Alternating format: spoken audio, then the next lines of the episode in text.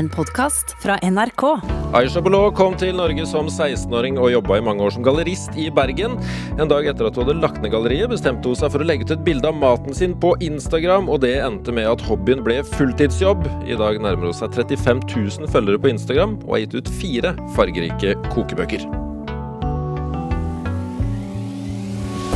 Drivkraft med Ruben Gran i NRK P2. Aisha Bolot, velkommen. Takk. Hvordan har du det? Jeg har det så godt som det går an til å ha. Det um, Ja, solen skinner. Uh, Jeg har vært med barnebarna mine i flere dager. Og så har jeg hatt en, um, en bok som har vært på bestselgerlisten siden den kom, med pallplassering, så jeg er veldig fornøyd. Livet er godt. Ja, Det høres ut som solskinn eh, både eh, eksternt og internt. Eh, Men si, hva, hva, hva spiste du til frokost i dag? Nei, i dag da spiste jeg rett og slett bare havregrøt. Litt kjedelig. Helt, helt grå? Ja. Ikke noe ekstra på? Nei. Ja, nå ble jeg litt skuffa nesten. Jo, men jeg hadde melon ved siden av. Ja, Vannmelon. Vannmelon. Ja. Ja, har, har, har du frokost uh, Har du noen sånne frokostrutiner eller tradisjoner? Nei, det er havregrøt, eller så er det rett og slett bare en brødskive med ost. Og så litt uh, tomat eller agurk på. Ganske vanlig. Ja. Men er alle måltidene dine gjennomtenkte? Nei. Som oftest er de ganske spontane. Altså, jeg våkner ofte Jeg kan våkne om morgenen og så ligger jeg i sengen. Jeg bruker ganske lang tid å komme meg ut av sengen. Og så jeg kan våkne og så kan jeg tenke at oi, hva skal jeg gjøre i dag? Altså, jeg begynner egentlig med å tenke hva jeg skal ha til middag. De andre gjør det på veien hjem fra jobben. jeg gjør det ofte før frokost. For det gir meg også en, på en måte en idé hva jeg skal planlegge. Um, når jeg skal ta et fotoopptak eller filme det. Så da kan jeg bare ligge der og tenke oi, det må jo være veldig godt med noe friskt i dag. Det er veldig varmt ute. Kanskje litt, kanskje vannmelonene er kommet, tomatene begynner å bli ganske um, deilig nå. Og så bare um, ja. Det er liksom det som er viktig. Det, det som er viktig, det er hovedmåltidet seinere på dagen. Så du tenker på mat hele dagen, du? Fra du våkner? Ja, akkurat da. Ja. Så, ta, og så tar du litt pauser? Ja, så tar jeg litt pause. Ja. Gjør andre ting. Hva, hva tror du gjorde at du begynte å interessere deg sånn for mat? Altså, jeg tenker veldig mye av denne mathistorien min handler om uh, min oppvekst. Jeg vokste opp i en familie der mat var mer enn bare å handle på veien hjem. Altså, vi hadde en far som var aleneforsørger. Uh, vi hadde en kolonihage som skulle mate hele familien. Jeg er litt hes i dag, beklager. Og så, så denne mat, matprosjektet, det var noe som hele familien holdt på med. Og jeg husker at jeg gledet meg når lørdagen kom, fordi at da skulle vi på handletur med min far. Og siden jeg var eneste jenten i denne barneflokken, så fikk jeg alltid være med, for det var ikke alltid plass til alle i bilen. da. Men jeg fikk alltid være med. Og min far skapte veldig mye av denne gode stemningen. Altså, det å handle med min far, det var et eventyr. Og det var skikkelig gøy. Han gikk rundt og prøvde å prute. Han fikk aldri prute, men han gjorde det fordi han syntes det var gøy. Han visste han fikk nei. Han kunne snu seg og blunke til oss barna og flire litt, og så bare gå han videre. Og så var vi mange forskjellige steder for å handle, og avsluttet alltid med, med is i en eh, isbar. Så det var et høydepunkt på uken, da. Å skaffe ukens innkjøp sammen med han. Ja, hva slags steder var dere på og handla mat? Nei, først var vi på supermarkedet. øh, vanlig supermarked. Og så gikk vi Så gikk Det er bare å harke. Ja, uff. Med litt vann. Nei, vi kunne gå til uh, tyrkerne, og så kjøpte vi oliven. Og så kjøpte vi fetaost. Og så gikk vi til spanjolen. Visste aldri hva de het, men den ene het tyrker, og den andre het spanjolen. Og hos spanjolen kjøpte vi olivenolje. Og andre, altså andre ting som de hadde lyst på. Men det var alltid en fest. Og så det der å kjenne på meloner, og lukte på tomater, og kjenne på aubergine. Um, så det var en opplæring, men det var også noe som vi syntes var gøy. For det kom liksom denne kokosbollen og så denne iskaffen etterpå med giganthøye is som vi fikk en gang i uken. Og når vi kom hjem til min mor, som ikke var så veldig glad i å handle, og så var det liksom det der å pakke ut. Det var akkurat som vi skulle vise henne en sånn skattkiste vi hadde fått tak i. Og jeg tror mye av denne, denne innstillingen til mine foreldre om hvor viktig dette her var, og hvor gøy det var, det smittet over på oss barn. Fordi at søsknene, søsknene mine, de er helt make. De er akkurat som meg. Veldig glad i å lage mat, alle brødrene mine. Og vi liker å gå på markedet, vi liker å kjenne på maten. Jeg bruker veldig ofte hendene fremdeles til å blande salater, til å ta i maten og snu på den. Jeg bruker ikke um, skeier. Eller veldig sjelden. Så jeg, jeg tror at det kommer derifra. Men når dere kom eh, hjem da, og la maten utover, var det sånn at du også da hjalp til på, på kjøkkenet? Ja da. Altså, min, min, far, min far og mor hadde en innstilling at du, når du er stor nok til å gå og kunne spise selv, så kan du også være med å bidra. Til å enten lage måltid, eller være med å plukke i kolonihagen, være med å luke. Jeg husker om sommeren så var vi alle barna ute og plukket bær, så min mor fikk eh, sultet og laget sultetøy. Hun sultet og bakte og styrte døgnet rundt, hele året. Så denne kolonihagen, det var et felles familieprosjekt. Som var Som var ikke bare det, som var ikke noe som vi kunne melde oss ut ifra. Det, vi var bare med, og det er ingen som protesterte. Det var en selvfølge. Så jeg, tenker at um, det var ingen av oss som på en måte linde når vi var med på det prosjektet. Om kvelden så kunne vi komme hjem med bøtter fulle av bønner. Og der satt vi og så på krim og satt og renset og alle disse bønnene. Alle hadde en sånn skål i fanget. Og det var bare sånn automatikk i det. Alle barna. Så, så vi var egentlig med å, å skaffe maten vår da litt. Det er en ganske god følelse, det òg, da. Fordi at vi satt og spiste pizza med tomater som vi hadde hentet selv. Det er litt gøy. Hvor, hvor gammel var du eh, før du fikk stå over grytene på kjøkkenet til foreldrene dine? Vi begynte veldig tidlig. Vi var jo mine Altså, min mor, hun eh, fordelte oppgavene. Så å skrelle poteter og gjøre sånne enkle ting. Hun var aldri redd for å gi oss kniven. Det var hun ikke redd for. Men, eh, men vi fikk ikke lov å begynne før vi på en måte var litt sånn utlært. Men da jeg var ti år gammel, da, da husker jeg at jeg fikk ansvar for å lage en gryte. Og jeg var ikke forberedt. Det var, det var sånn at vi var liksom alle klare for å hjelpe til, og da sa min mor bare, vet du hva, Eh, Aisha, i dag skal du lage den og den, og så brødrene dine kan hjelpe deg å, å gjøre klar grønnsakene. Og jeg husker det veldig godt, fordi at jeg, jeg ble aldri redd. Jeg ble ikke sånn hvor skummelt vi skulle ha mine tanter på besøk, og onkler, med alle barna. Men jeg, jeg, bare, jeg var egentlig ganske trygg, fordi at min mor hadde lært veldig godt fra seg. Og det tenker jeg at hun også visste. Det var hennes mål. At vi på en måte Det lille hun hadde Hun var analfabet. Hun kunne ikke lese og skrive. Hun hadde ikke jobb. Og kom til et fremmed land da hun på en måte uh, Livet hennes handlet ja veldig mye om å være hjemme. Og så fant hun et fellesskap med disse andre kvinnene som bodde i området. Og da prøvde hun å finne de tingene hun kunne gi oss.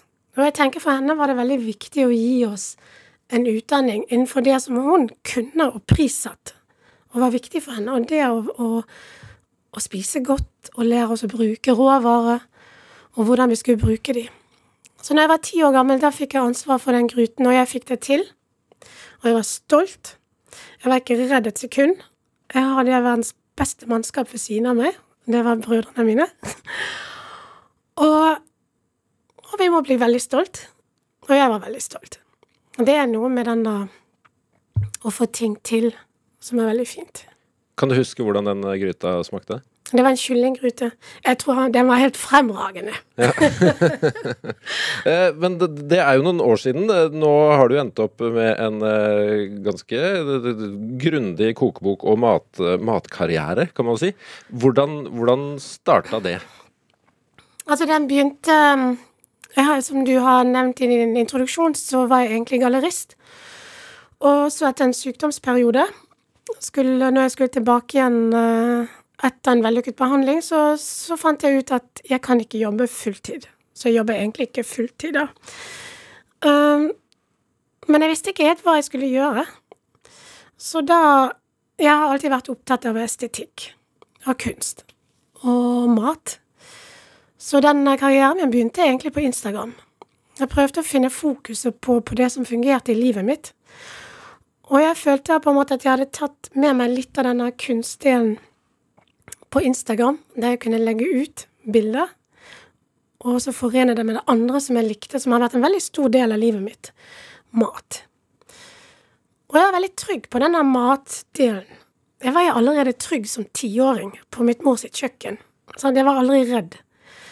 Um, så da gjorde jeg det. Og, men jeg var, ikke, jeg var ikke helt forberedt på at det skulle gå så raskt, at folk skulle se meg så raskt. At de hadde lyst til å lage maten min. Og det var en fantastisk opplevelse. Ja, hvor, hvor raskt gikk det fra du la ut det første bildet til folk begynte å Jeg husker ikke nøyaktig, men jeg husker på en måte at ting skjedde veldig fort. Jeg fikk henvendelser fra godt.no om jeg hadde lyst til å levere bilder til de, og oppskrifter. Jeg fikk henvendelser fra andre sånne nettsteder. Og så fikk jeg en henvendelse fra Julendal, som spurte meg om jeg hadde lyst til å skrive bok for dem. Eller de spurte meg om jeg tok bildene selv, og da sa jeg ja. Om jeg lager maten, ja. Og så sa de vil du skrive bok for oss. Og der forklarte jeg de situasjonen min, at jeg har vært syk, jeg kan ikke jobbe heltid og alt det der. Og så ga de meg bare den tiden jeg trengte.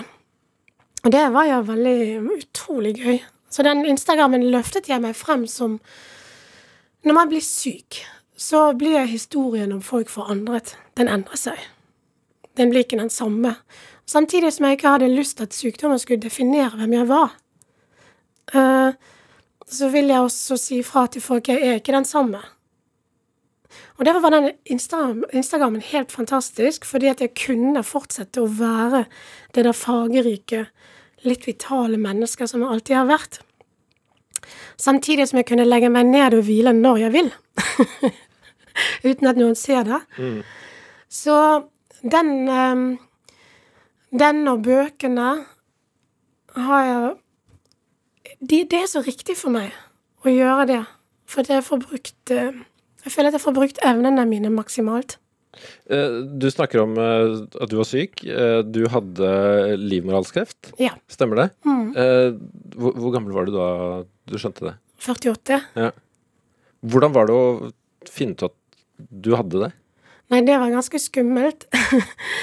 Men når jeg først fikk diagnosen, så var jeg på en måte også lettet, for dette hadde gått veldig lenge med smerter uten å vite hva det var. Så gikk jeg nesten i et år.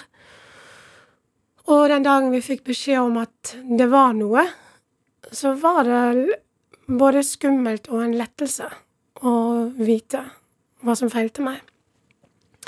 Men det var en sånn eh, Det hadde gått veldig lenge, langt, sånn at jeg kunne ikke operere, så jeg har fått maksimal behandling på Haukeland, som har vært meget vellykket. Men behandling har også gjort meg på en måte Altså, hvis man kan si syk. Fordi at vi har liksom brukt alle virkemidlene.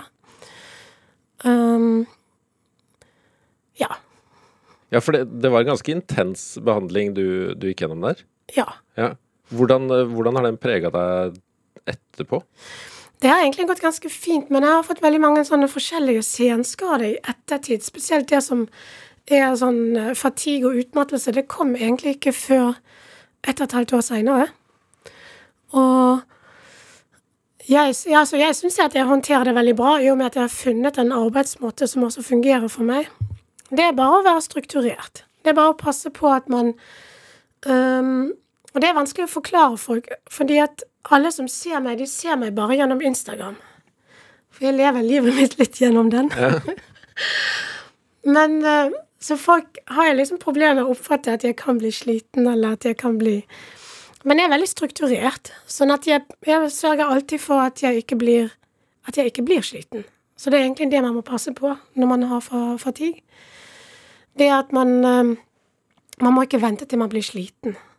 Du må alltid stoppe rett før. For jeg synes ikke man hører man, man, hører jo om, og det er kjempefint, at man hører om folk som har blitt eh, De er friskmeldte, de har blitt mm. kvitt kreften. Men man hører ikke så mye om, om liksom langtidskonsekvensene eh, av, av, behandling og sånn. Nei. Nei, det var mannen min som sa at det var veldig viktig å snakke om det. Han mente at jeg skulle snakke om det, men uh, jeg har ikke lyst at det skal definere meg uh, som person. At jeg liksom Jeg føler meg frisk. Jeg blir bare ofte ganske sliten. Og det tror jeg veldig mange blir. Uh, men det er ingen som kan se det. Man kan ikke se det på folk. Og jeg tenker at folk har ikke lyst til å fortelle om det heller. Så ja. Jeg tror, det, jeg tror det er mange som har det. Da syns jeg det er veldig fint at du kommer hit og gjør det. ja. Du hører Drivkraft i NRK P2. Og her er det Aisha Bolot som er dagens gjest. Eh, Instagrammeren, kokebokforfatteren, eh, matinfluenser. Du er jo en matinfluenser? Jeg håper det. Ja. Eh, hva er forholdet ditt til sosiale medier generelt? Altså, jeg tror nok du blir overrasket når jeg sier at jeg bruker veldig lite tid på det. Fordi at jeg, jeg ser på det som en jobb som tar tid. Så jeg, jeg har ikke Altså, jeg bruker denne Instagram-kontoen min bare for Som en slags for, som et slags magasin som, som jeg fyller med innhold. Og jeg følger veldig få. Det er en del folk som blir litt fornærmet for jeg ikke følger, følger de, men jeg følger egentlig bare en del kollegaer som jeg føler at jeg bør følge med på, også for å bli litt inspirert. Men ellers så prøver jeg å følge minst mulig folk. For det tar altfor alt lang tid å komme seg gjennom denne feeden. Og det har jeg ikke lyst til å bruke tid på. Du må ikke se gjennom alt, da. Nei, jeg vet det, men du, du, det er, du trenger ikke Hva gjør du da? Går du direkte inn på Nei, jeg sitter og scroller i vilden sky altfor meget, som ja, altfor mange andre. Så du, jeg tror du har gjort det smarte valget her. Nei, jeg bare følger sånne matfolk. Og så er jeg veldig nysgjerrig. Jeg var vel lite nysgjerrig på hva andre holder på med sånn uh, ellers, fordi at i og med at jeg bruker det som arbeidsredskap, så vil ikke jeg bruke mer tid på det enn nødvendig. Men jeg har lyst til å stille deg et enormt spørsmål, spesielt for en, en som deg. Men hvorfor er mat viktig for deg? Nei, altså jeg tenker at mat er viktig for alle. Mat er noe som Mat er noe som skaper relasjoner, samhørighet. Det er noe vi bruker for Altså, vi bruker mat for å leve, først og fremst, men vi bruker det også for å feire, for å minnes. Um, altså, mat er veldig Mat er noe som vi alle har felles. Det kan vi bli enige om. Absolutt. og, og så er det noe med mat som også forteller oss litt om hvem vi er. Sånn om vi er opptatt av helsen vår, om vi har lyst til å spise sunn, om vi har lyst til å Noen som er opptatt av å holde seg slank og sterk og hvilken utdanning kanskje vi har, hvor vi kommer fra. Og hvilken type mennesker vi egentlig er. Om vi kan liksom sette oss ned og kose oss med et måltid, eller om vi bare hiver det i oss og har glemt allerede at uh, et sekund hva vi har spist. Så jeg mener at mat er veldig viktig, og mat er også kunst. Altså, mat er noe som kan være veldig vakkert. Uh, som, som glede. Altså når du lager et nydelig, flott måltid, og du begynner å dekke bordet, eller du har allerede dekket det, og du ser folk komme og se på den maten, så, så kan du lese i folks ansikter at du har virkelig gjort noe godt for dem. sånn, folk slapper av. Sant? Altså, de blir Og du ser smilene i øynene. Det er noe veldig fint med mat. Hva tenker du at maten din sier om deg? Ja? Jeg tror når folk ser maten min, så tenker de kanskje Eller jeg håper at de tenker det der så veldig godt ut. Hm, og så ser det litt sunn ut òg. Men hvor er det du henter inspirasjonen til maten din? Nei, alle steder, egentlig. Jeg vet ikke. Jeg føler ofte at jeg lager tablåer. Altså Hvor jeg henter inspirasjon. Altså, jeg følger egentlig veldig få. Uh, jeg har med meg min matkultur. Jeg vet hva folk spiser, og jeg har lest både bøker og blader og uh, Men når jeg lager maten min Derfor følger jeg egentlig ganske få òg. Jeg har ikke lyst til å følge eller gå inn Jeg går, veldig, jeg går aldri inn på mine medbloggeres eh, blogg. Jeg kan se på hva de holder på med på Instagram, men jeg går ikke inn på bloggen deres, for jeg vil ikke bli påvirket av det. Jeg har lyst til å bare skille meg litt ut. Jeg har lyst til å liksom ta den maten jeg vokste opp med, og bare blande den med alle de kulturene jeg har vært borti og møter. Så Så det er um, forskjellige steder, og så kommer veldig mye innifra her òg. Ja, for jeg tenker jo når jeg ser på bøkene dine og, og bloggen din, så det er jo mat fra, som du sier, veldig mange Det er en salig blanding av kulturer og kjøkken eh, i, i maten din. Mm. Det er liksom det jeg liker. Det er hva jeg liker. Jeg syns livet er for kort til å holde oss til et kjøkken. Vi må jo smake på alt. Vi bør, i hvert fall. Ja, jeg er enig. Det er så mye godt, da. Det er mye godt. Det er veldig mye godt. Men eh, vi snakka om det tidligere. Eh, Du, du våkner opp og begynner å tenke på hva du skal til middag. Hva skal du ha til middag i dag? Nei, i dag skal vi ha pasta med pesto, og så litt asparges oppi. Det er veldig enkelt. Kjempegodt. For du setter pris på å lage og spise det, maten din, selv om det også er jobben din?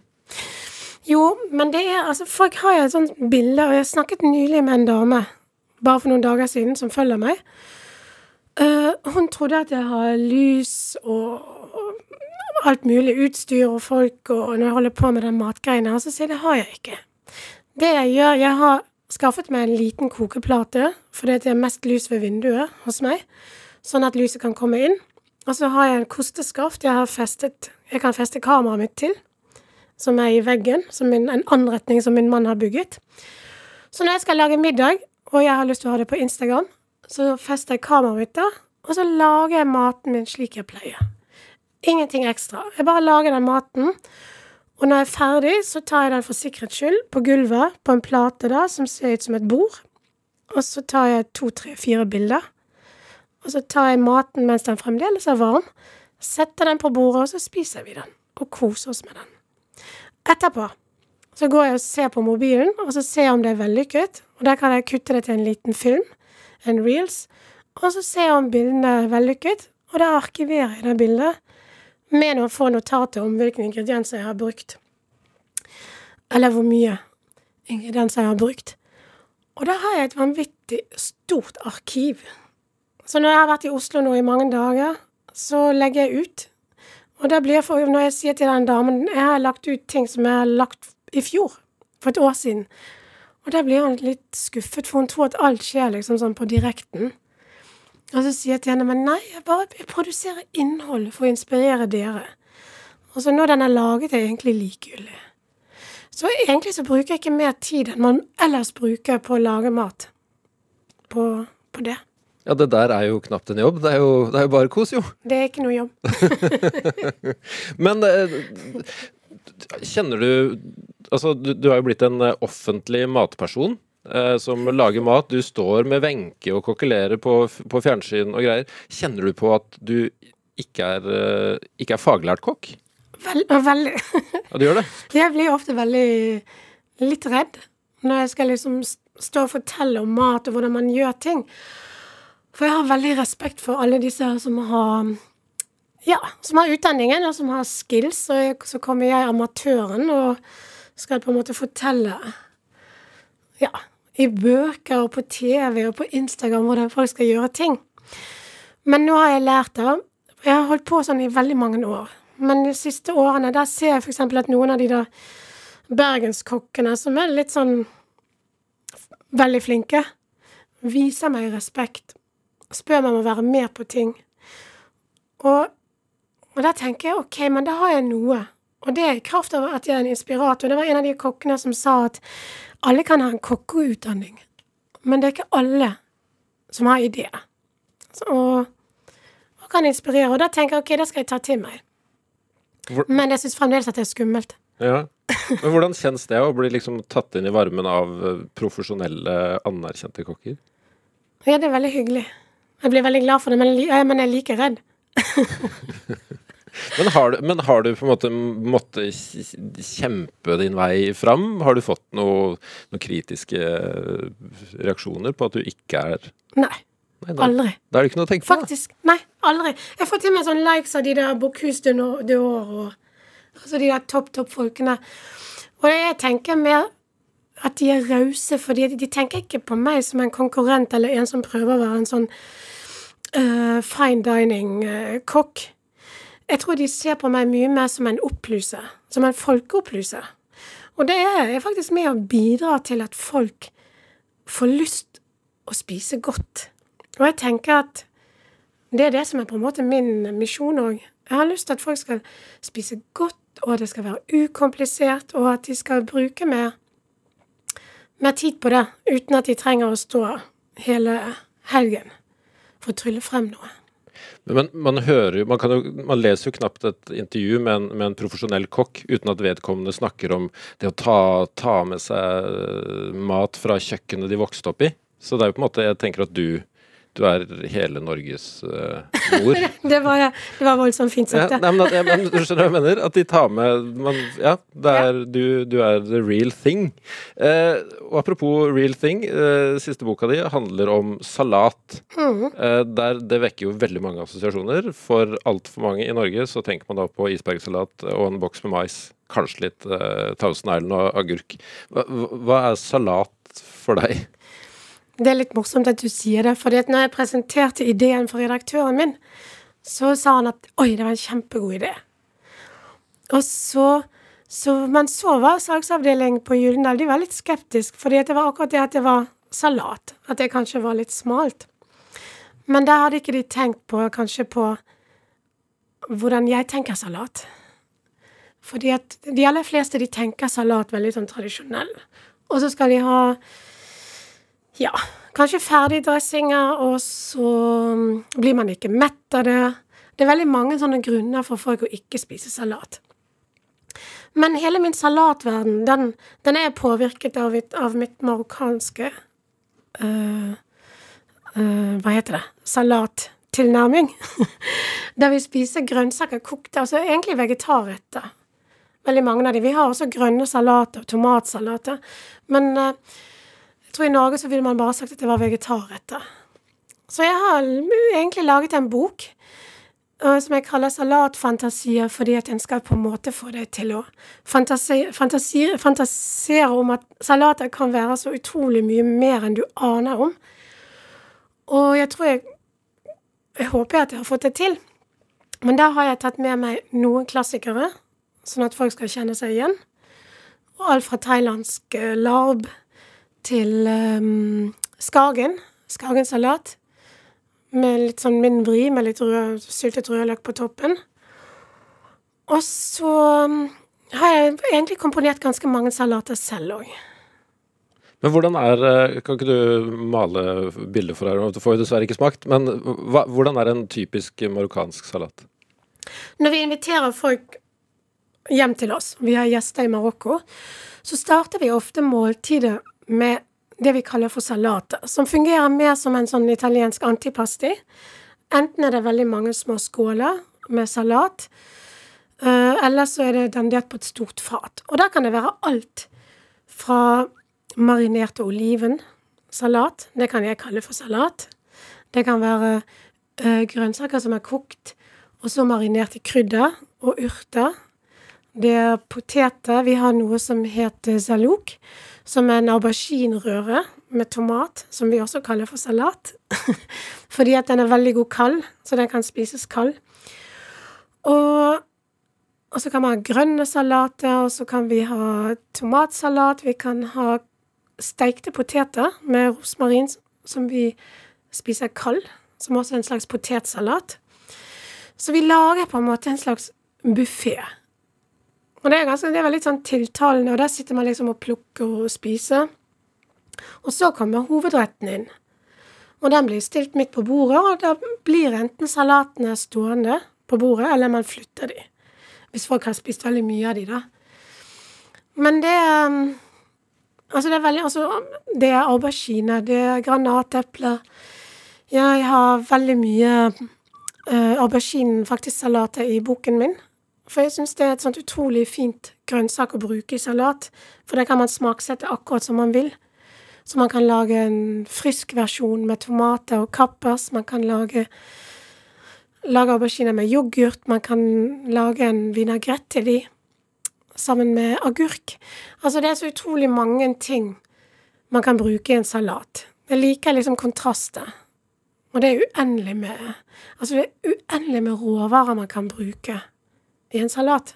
Det høres veldig fargerikt ut, dette her. Hvor viktig er hvordan maten din ser ut? Jeg er vokst opp med farger. Jeg er vokst opp med noen helt crazy hender, fargete puter og røde tepper og grønne gardiner. Eh, det er ikke det at jeg har tatt med meg den estetikken akkurat, men de er altså Jeg vil si at hele barndommen min var full av farger. Til og med lydene av min barndom. Altså latteren til disse kvinner rundt oss, og hender, hender. Jeg tror jeg er veldig preget av det, men også det at vi um, Vi elsket kjøtt. Det gjorde vi. Men i en uh, barnerik familie så måtte vi fylle på med veldig mye grønnsaker og masse ekstra salater. Så de salatene så, de er også med å mette litt før denne hovedretten med kylling eller kjøtt kommer, da. Så jeg tror farge er veldig viktig for meg på grunn av det. Og så er det bare blitt en måte jeg spiser på. Og etter jeg begynte som matblogger, så tror jeg at jeg har blitt enda mer fordi at Jeg vet ikke. Jeg har Det er flere ting å få tak i. Det har jeg også lagt merke til. Man kan få tak i nesten alt nå i Norge. Og da er det også mye gøyere å lage mat med masse, masse forskjellige ingredienser som har farge. Jeg kjenner at uh, jeg blir seriøst sulten av å høre på deg. Vann i munnen, knurrete mage, så jeg tror vi skal ta oss en liten pust i bakken med, med musikk som, ja. som, du har med deg. Uh, nemlig en uh, Joni Mitchell-slager. Hvorfor, hvorfor, det? Hva betyr den sangen her for deg? Altså, den sangen er i seg selv Den er så vakker i seg selv. Det er et lite mesterverk, både tekstmessig og musikken. Men den har betydd mye for meg, for den Altså, min tolkning av den er det at livet er ikke alltid sånn som du tenker deg, eller kommer til å bli sånn som du har tenkt en gang. Um, den At både livet og kjærligheten, den, den må oppleves. Den kan ikke bare Du kan ikke lese deg til det, du kan ikke bare høre på andre. Det er noe du må oppleve selv. Og det, det kan være smertefullt. Kanskje du tenkte det skulle være sånn, men så blir det helt annerledes enn du håpet. Men det den sangen gir meg til slutt, det er på en måte alltid denne følelsen av at Men det kommer til å gå bra. Det kommer til å gå bra. Og sangen, det er Both Sides Now med Joni Mitchell. Du hører den i Drivkraft på P2, tatt med av Aisha Bolo.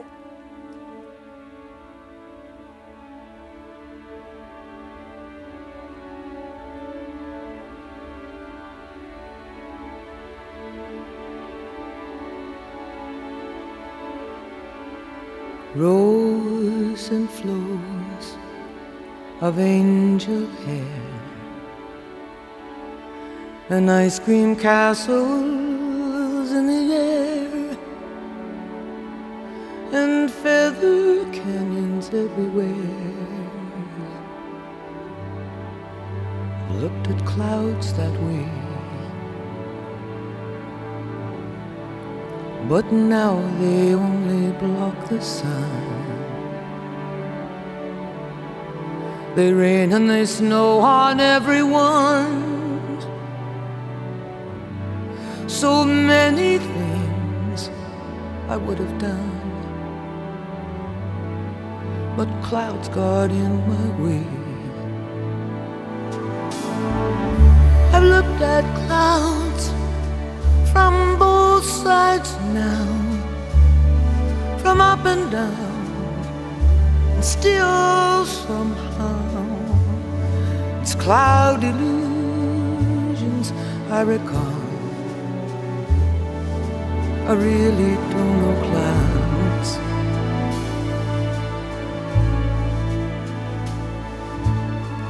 At all.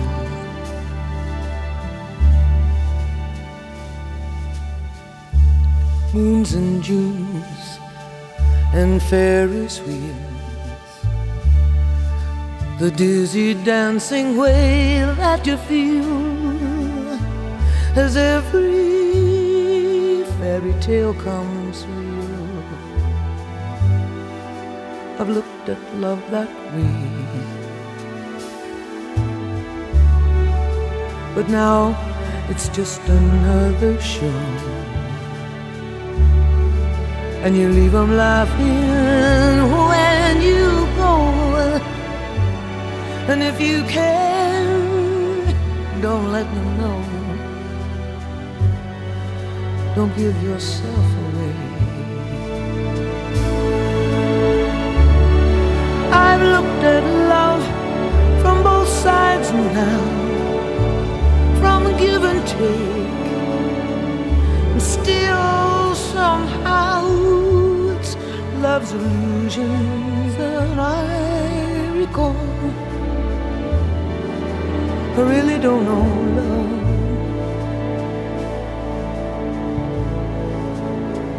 I really don't know love at all.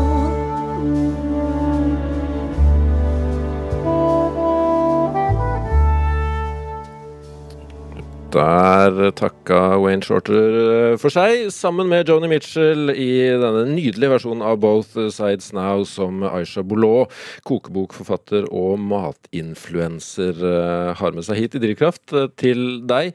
En, en sang som Nå avslører jeg jo det som skjer i kulissen her, men du fortalte meg underveis her at når vi hørte den, at du, du har ikke bare hørt på den sangen her i de enkle stundene i Nei. livet? Nei. Jeg har, jeg har spilt den sangen når jeg har trengt å bli omfavnet òg, og finne litt trygghet. Jeg spilte den sangen ganske mye når jeg fikk behandling på Haukeland sykehus. Men da advarte jeg legen min, behandlende lege, sa til meg at du må ikke velge en sang som betyr noe for deg. Fordi at i ettertid så kan det være at du vil bare minne den forferdelige behandlingstiden når du spiller den sangen. Men det trodde, tenkte jeg nei, det tror jeg ikke kommer til å skje, så jeg spilte den veldig mye. Ja, Hvordan var det å høre nå? Fint. Mm. Det, det er ganske Altså, den, altså, den, er så, den er så stor, den sangen. Den eh, Ja.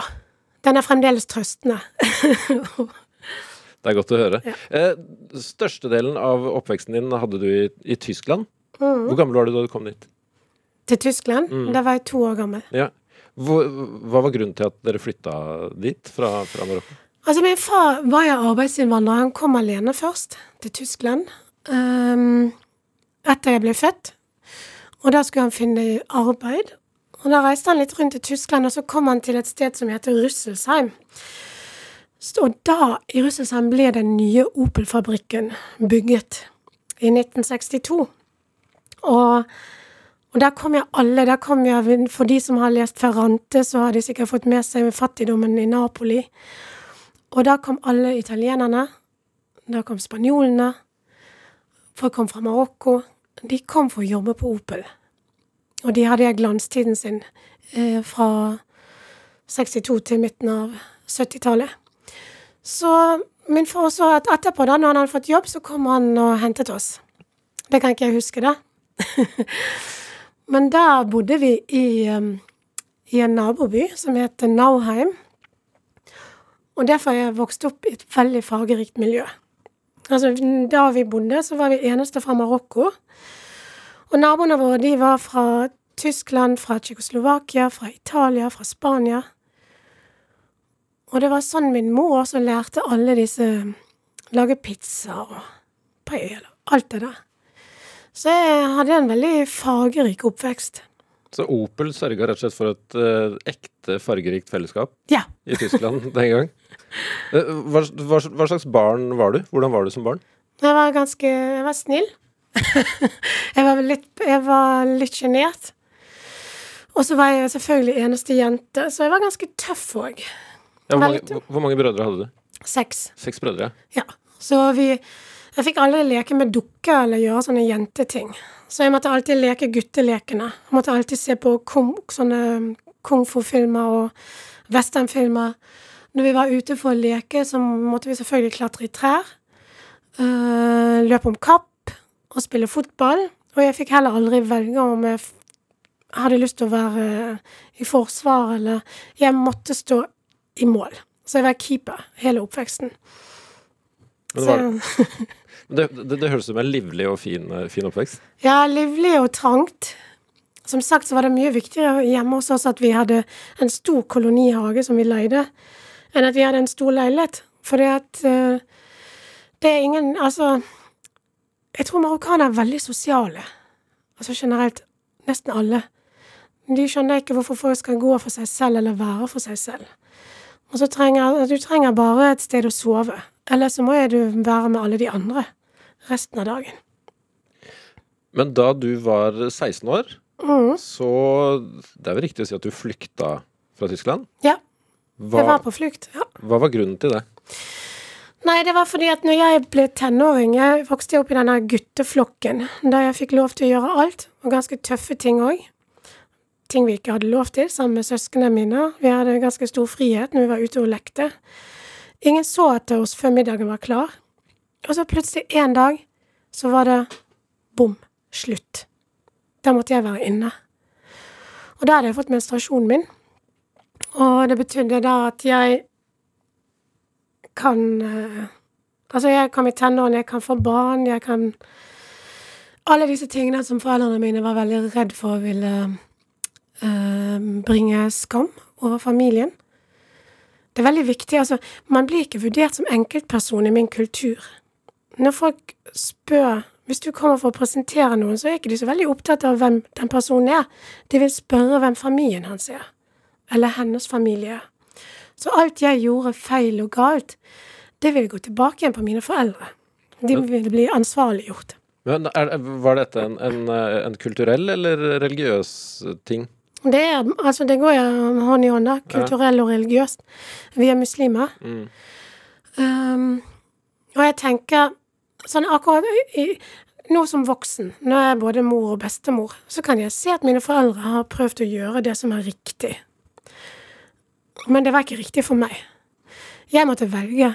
Uh, jeg oppdaget veldig fort at jeg ville ikke ha det sånn. Og jeg skjønte også at jeg kanskje har et valg. Veldig tidlig. Fordi at jeg kom i opposisjon. Uh, jeg stakk av. Altså ikke sånn langt. Når jeg ikke fikk lov å gå ut og leke, så løp jeg ut døren likevel. For å være med mine brødre og de andre ute i gaten. Og det, det syntes foreldrene mine var veldig skummelt, så de, de følte at de mistet kanskje litt kontroll. Og da merket jeg at om kvelden der satt de og hvisket og tisket, og det kom folk på dørene, og, og da skjønte jeg at aha, nå er det noe på gang. Nå skal de gifte meg bort. Og det var det de hadde tenkt på òg. Så da begynte jeg å lage min egen plan helt sånn parallelt til de. Um, og en dag så bare pakket jeg og dro. Og jeg visste at det kom til å være vanskelig. Jeg visste at det kom til å være smertefullt, fordi at jeg reiste ikke fra en familie som var slem med meg, uh, som ikke tok vare på meg. Jeg reiste fra en familie som ville noe annet med livet mitt. Sant? Jeg skulle liksom gå fra de som skulle bestemme over meg, til å bli giftet bort til en mann som skulle fortsette å ta avgjørelse for meg.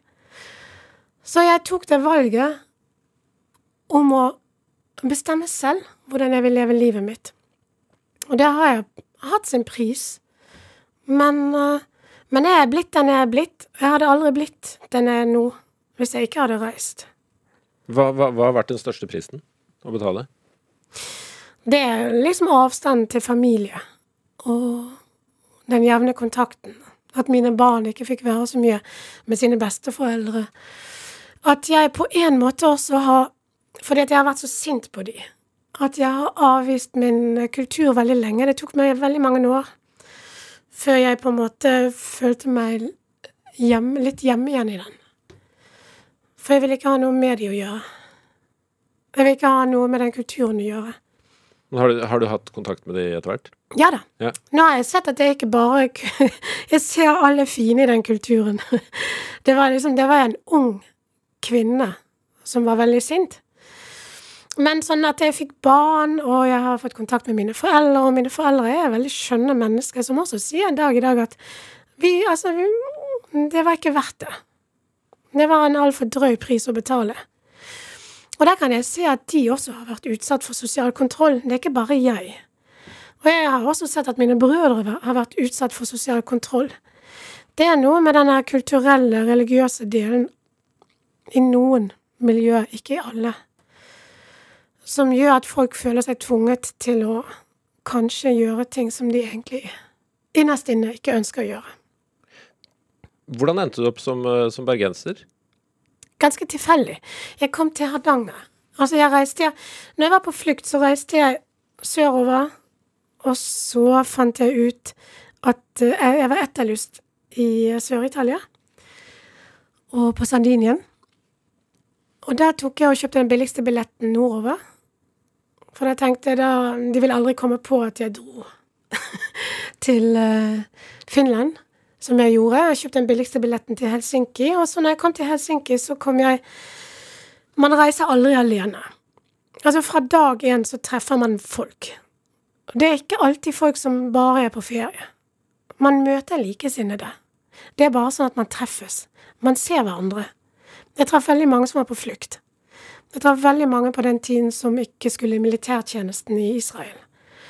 Som var militærnektere, eller som hadde stukket av. Så jeg reiste med de, og noen ganger så traff jeg de lenger oppe et sted i eh, Blant annet i Nord-Norge, da, som vi flere var, som skulle jobbe i fiskefabrikkene, som var stengt på det tidspunktet vi kom da. Så jeg kom til Hardanger, for der var det også noen som sa at jeg kunne jobbe der. Og fra Hardanger så var ikke veien lang til Bergen, da. Det var sånn jeg kom til Bergen. Hvordan var eh, møtet med bergensk eh, matkultur? Altså, den, altså, jeg ville si den norske. Den norske matkulturen for meg, til å begynne med, den var jo helt katastrofal. Hvordan da? Nei, altså jeg er alltid veldig redd for å fornærme, for det er alltid noen som blir fornærmet når jeg sier det. Men det er sannheten, og jeg trenger ikke pakke den inn. Det var veldig ensfarget. Um, sånn på tidlig, tidlig, tidlig 80-tallet. Uh, folk spiste Altså, de hadde sånn vanlig ukesmeny, og det er fiskekaker og fiskepudding og hvit saus og kjøttboller i brun saus. Og så det er hvitost. Så alt, alt hadde liksom to farger, da. Og det, det syns jeg faktisk Det var veldig vanskelig å venne seg til med det samme. Det var veldig trist. Til å begynne med. Ble du glad i, glad i det etter hvert? Ja, absolutt. Det er liksom en del av min meny òg. Jeg er gift med en nordmann, da. Så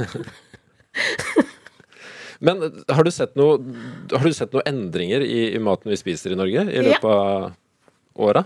ja, folk er helt, eh, folk er helt fantastisk. Og det har jeg vært lykken for meg, da. Altså lykken for meg og det jeg holder på med, Instagram og bøkene mine, det er at folk har lyst til å spise godt. De har lyst til å spise fargerikt, de er bevisst på hva de putter i seg. For jeg tenker OK, jeg, jeg, jeg vil ikke Altså, jeg vil ikke bruke sånn pekefinger og si at jeg spiser sunn mat. Jeg spiser veldig mye grønnsaker og frukt og sånn fordi jeg syns det er godt. Men samtidig så vet vi at det også er veldig sunt. Og det gjør noe med psyken vår å se på farger. Så jeg syns at folk er veldig bevisst, mye mer bevisst enn før. Og de har vært ute og reist mye. Verden er kommet inn her, til Norge òg. Og nei, det er veldig store endringer. Veldig store. Ja, for du snakka om å, å, å handle mat med din far eh, som barn i Tyskland. At du var på alle disse fantastiske stedene. Det, var, det sånn, var det sånn i Norge da du kom hit? Jo, men min far gjorde det til en fest. Ja. Det er det som er Jeg kan for eksempel Altså, jeg, for meg er det da å gå og handle Jeg kunne godt Altså, jeg har sett folk når de kommer hjem med barn fra barnehagen og sånn, så vil de helst handle for en hel uken, ikke ha med seg ungene, og de må bare lage det en plan. Det er liksom en ren nødvendighet. Og barn skal gå og leke, de skal ikke liksom utsettes for sånne trivielle, stressende greier som å handle. Min far gjorde det til en fest. Altså, vi var i en vanlig supermarked, men han kunne bare si Hm, oi, se på de. Hva tror du mor din kan lage med dette? Så det er noe med at han gjorde det å handle til noe som var gøy. Er det noe du har tatt videre til dine barn? Det tror jeg ikke. Nei.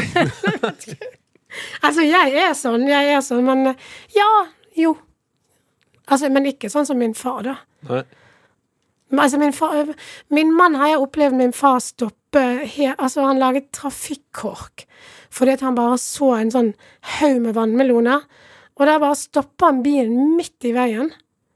Og vi lurer på hva han skal, og så ser vi han bare gå ut av bilen, gå bort til den der, og så er det sånn super trafikkork bak oss. Og mannen min som er norsk, blir skikkelig stresset, mens min far står og smaker på melonbiter og lurer på hvilken han skal liksom velge. Nei, jeg tror det er noe med typen, og jeg var jo typen som også tok det til meg. Men mat og kunst, eh, snakke litt om det, og du drev et galleri i, i Bergen i mange år. Ja. Hva, hvor møter maten og kunsten hverandre? Hva, hva er det felles? Nei, men det er komposisjon. Og jeg tenker at eh, komposisjon er på en måte det jeg blir fascinert av. Det er det som gjør at jeg liker de der to tingene veldig godt. Og at man kan lage nye bilder hele tiden. Jeg husker at jeg, jeg, min, jeg har en far som var veldig kunstnerisk. Og han sa hele tiden 'Du er egentlig kunstner, du, Aisha'. Men vi har ikke råd til å tillate oss at du finner på noe sånt. For du må jo bli advokat, selvfølgelig. Eller lege.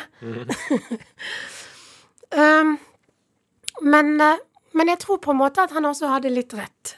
Jeg har litt Og det har jeg sagt en gang før. Jeg tenker at man kan ha et talent. Man er født, og de, de som har talent, er kanskje født med talent. Jeg, tror, jeg er helt sikker på at man er født med talent. Det er noe man utvikler. Det er ikke sånn som du kan bare finne på, og så utvikle det selv uten å ha det. Og jeg tenker at jeg har litt talent for komposisjon. Og, og det bruker jeg til å fylle noe på en helt annen måte enn i galleriet. Fordi at jeg, jeg når så utrolig mange, og jeg kan lage mine egne komposisjoner. Hva var det du stilte ut, eh, hva slags kunst stilte du ut på galleriet ditt? Det var først og fremst norsk uh, samtidskunst. Uh, det var alt fra malerier, grafikk, tegninger, skulpturer, installasjoner. Alt, egentlig. Når var du sist på galleri? Når var du sist på galleri? På galleribesøk. Mm, Veldig lenge siden. mm, Men nå har vi hatt en pandemi òg, da. ikke sant? Savner du det? Nei. Ja, du gjør ikke det? Nei, egentlig ikke. Det er på en måte Jeg, jeg blir litt sånn Jeg blir veldig nerdete med det jeg holder på med. Så jeg er veldig inne i det jeg gjør nå. Og så syns jeg ikke det er så utrolig mange gode utstillinger heller, alltid. Men jeg ser på en måte høydepunktene. Sist jeg var på galleri, det var jeg, det var jeg på museet i Bergen, og da så jeg den uh, Munch-utstillingen som var helt fantastisk. Og den så jeg faktisk fire ganger. Og det var såpass, ja. Ja. Fordi at da gjorde den noe med meg. Som, eh, sånn at jeg er glad i kunst, men det er ikke Jeg bruker ikke like mye tid på det som jeg gjorde før. Men hvilken uh, Munch-utstilling var det? Det var den samme som var her, i Oslo. Jeg husker ikke um, Altså, det var en sånn så, Hva var temaet? Jeg tror ikke det var noe tema. Nei. Nei. Hva er, har, har du noen favorittkunstnere? Jeg regner med du har sett, sett mye opp igjennom? Favorittkunstnere? Mm. Norske? Ja, ja, vi kan godt uh, Ja, begrense vi holder oss til Ja, de norske, ja. så ikke de blir fornærmet. Nei, jeg har favorittkunstnere. Å, det, det er litt sånn dumt å trekke frem noen. Du tør ikke? Ta, ta, ta, ta noen eh, fra utenfor Norge, da. Nei. Nei, nei, men vet du hva, jeg har faktisk en sånn favorittkunst, en norsk favoritttegner som heter Lotte Konow Lund.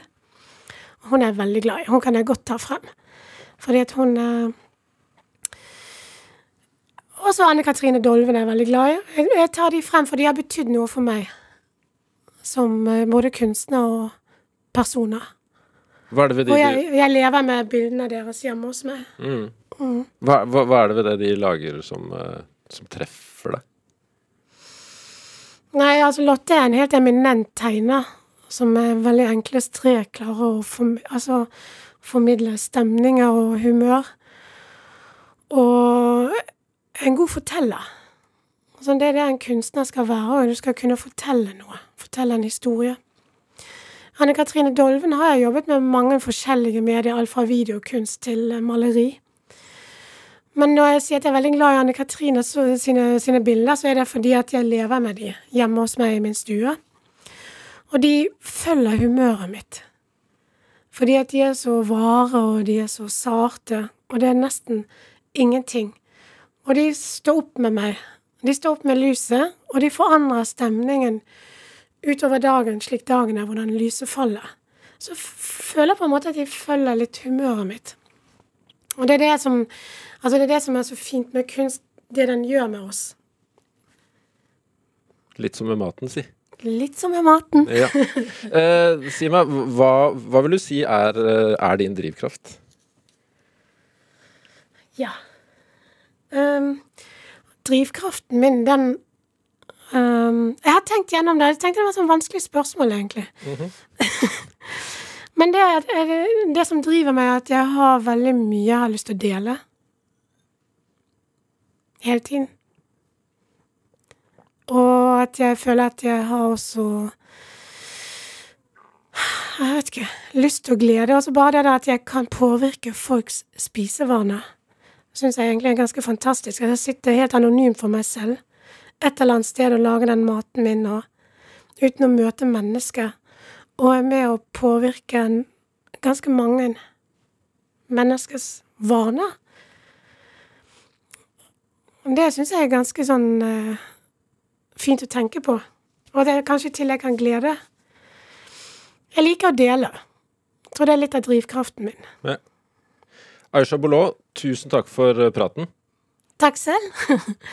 Og du kan høre flere drivkraftsamtaler, f.eks. For med forfatter Jan Grue eller psykolog Karina Kahl, eh, som var her tidligere denne uka. her. Du finner det i NRK-appen eller i din eh, podkast-app. Eh, du kan sende oss e-post til drivkraft.krøllalfa.nrk.no. Produsent i dag har vært Kjartan Aarsand. Research er det Julia Martincic som har stått for. Du får snart siste nytt fra NRK Nyheter her i P2. Jeg har vært Ruben Gran.